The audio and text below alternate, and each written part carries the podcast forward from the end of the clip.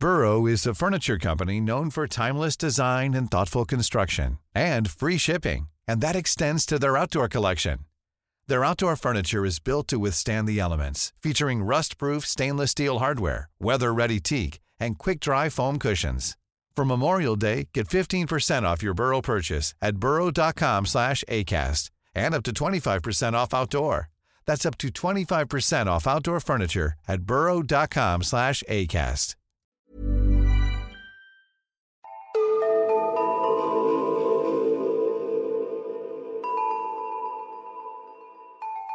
Hej och välkomna till Nära ögat, en true crime-podd för mesar. Mitt namn är Alexandra Kensdottir.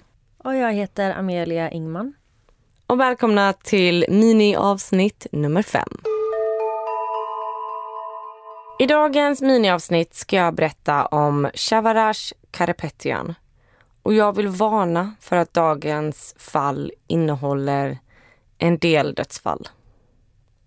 Mina källor är artiklar från Russia Beyond, Aurora Prize och Grantland.com samt klipp från Youtube-kanalerna True Story och Let Me Know. Shavarash föddes 19 maj 1953 i Armenien, vilket på den tiden tillhörde Sovjetunionen.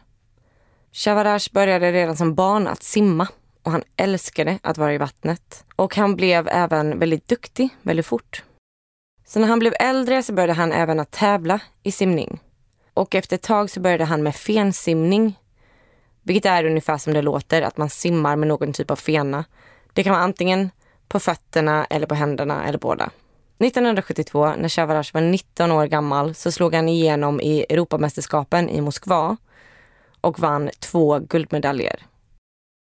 Och här sa källor lite olika, men de flesta källorna sa att när han var 23 år gammal så hade han vunnit världsmästerskapen 17 gånger, Europamästerskapen 13 gånger och slagit 10 världsrekord.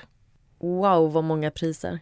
Ja, och även om källorna sa olika så sa alla källor att han hade vunnit väldigt många olika slags mästerskap och slagit världsrekord. Det diffade bara i hur många priser han hade vunnit. 16 september 1976 bodde Sharavash i Jerevan, Armeniens huvudstad. Den här morgonen joggade Sharavash med sin bror Kamo och även deras tränare Liparvat. Och när de joggar förbi Jerevan sjön så ser de hur en trådbuss börjar skena. Och inom bara några sekunder så spårar den ur och flyger ner från vägen i den kalla sjön. På trådbuss nummer 15 fanns det totalt 92 personer ombord. Och inom sekunder hade bussen sjunkit ner i sjön och var nu på runt 10 meters djup. Det var fullt kaos och passagerarna som var fast försökte krossa fönstren och ta sig ut för att simma upp till ytan. Utan att tveka hoppade Shavarash i det iskalla vattnet och dök ner de 10 metrarna mot bussen. Han tog sig mot framrutan och försökte sparka sönder den. Men det var extremt svårt att få någon kraft under vattnet. Men till slut så lyckas han ta tag i en del av taket att hålla sig i för att få tillräckligt mycket med kraft för att kunna sparka sönder rutan. Och han berättade att det här gjorde fruktansvärt ont. Glaset krossades mot hans ben. Men Shavarash struntade i smärtan och började rädda passagerare. Han drog ut passagerare en efter en och simmade upp med dem till ytan där brorsan och coachen hjälpte dem. Och även om vattnet var iskallt och Shavarash var väldigt skadad så vägrade han att ge upp. Så han fortsatte dyka ner till bussen och dra upp en efter en. Shavarash lyckades dra upp 46 personer innan räddningstjänsten tog över och bad honom sluta. Herregud vad många. Ja. Så imponerande. Tyvärr så överlevde bara 20 personer av de här 46. Vid den här tidpunkten var Shavadash väldigt utmattad. Han hade syrebrist, var nedkyld, hade förlorat stora mängder blod. Han togs till sjukhus och de kunde konstatera att han hade fått svår lunginflammation samt blodförgiftning från såren efter att han sparkat sönder rutan. Hans första dagar var väldigt kritiska. Men efter ungefär 45 dagar så var han frisk nog att få åka hem från sjukhuset. Men hans kropp och fysik blev aldrig densamma igen och hans professionella simkarriär var nu över.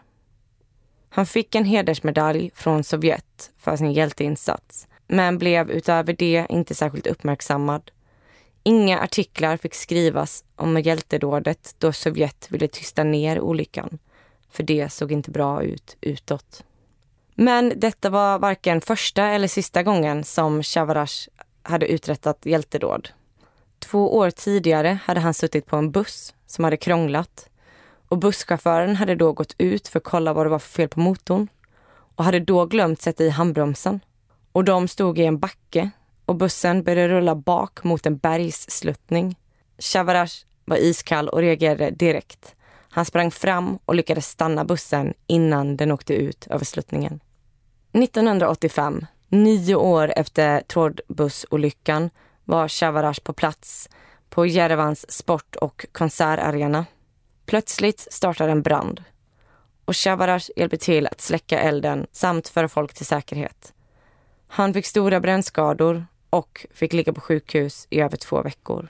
Men nu fick han äntligen den uppmärksamhet han förtjänade och han blev hjälteförklarad både i Sovjet och utomlands. Och han fick till och med en asteroid döpt efter sig och fick även flera priser från internationella organisationer. Planning for your next trip?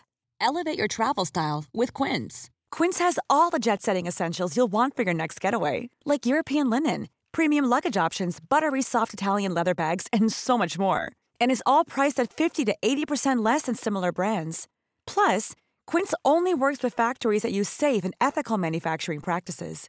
Pack your bags with high-quality essentials you'll be wearing for vacations to come with Quince. Go to quince.com/pack for free shipping and 365-day returns. 2014 fick han äran att springa med den olympiska facklan under vinter-OS-invigningen i Moskva.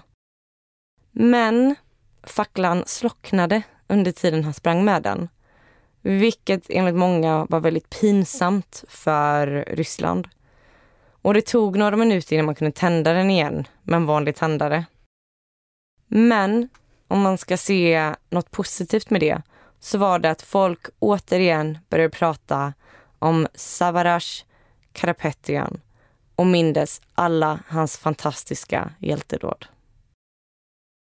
Vad skönt att han då till slut blev hyllad för sina fantastiska insatser. Mm. Det är helt otroligt så många han lyckades rädda i den där bussolyckan i sjön. Ja, och jag kom på att jag sa att det var 10 meter ner. Men det var liksom den delen som var längst upp. Så det var 25 meter ner till de som var längst ner. Ja, det är väldigt djupt att dyka. Mm. Vi har tagit upp lite dykarfall tidigare och den gränsen för vad man klarar av som otränad och utan utrustning är ganska låg. Man minns ju själv bara när man skulle dyka ner tre meter och hämta en docka på gympan. Mm.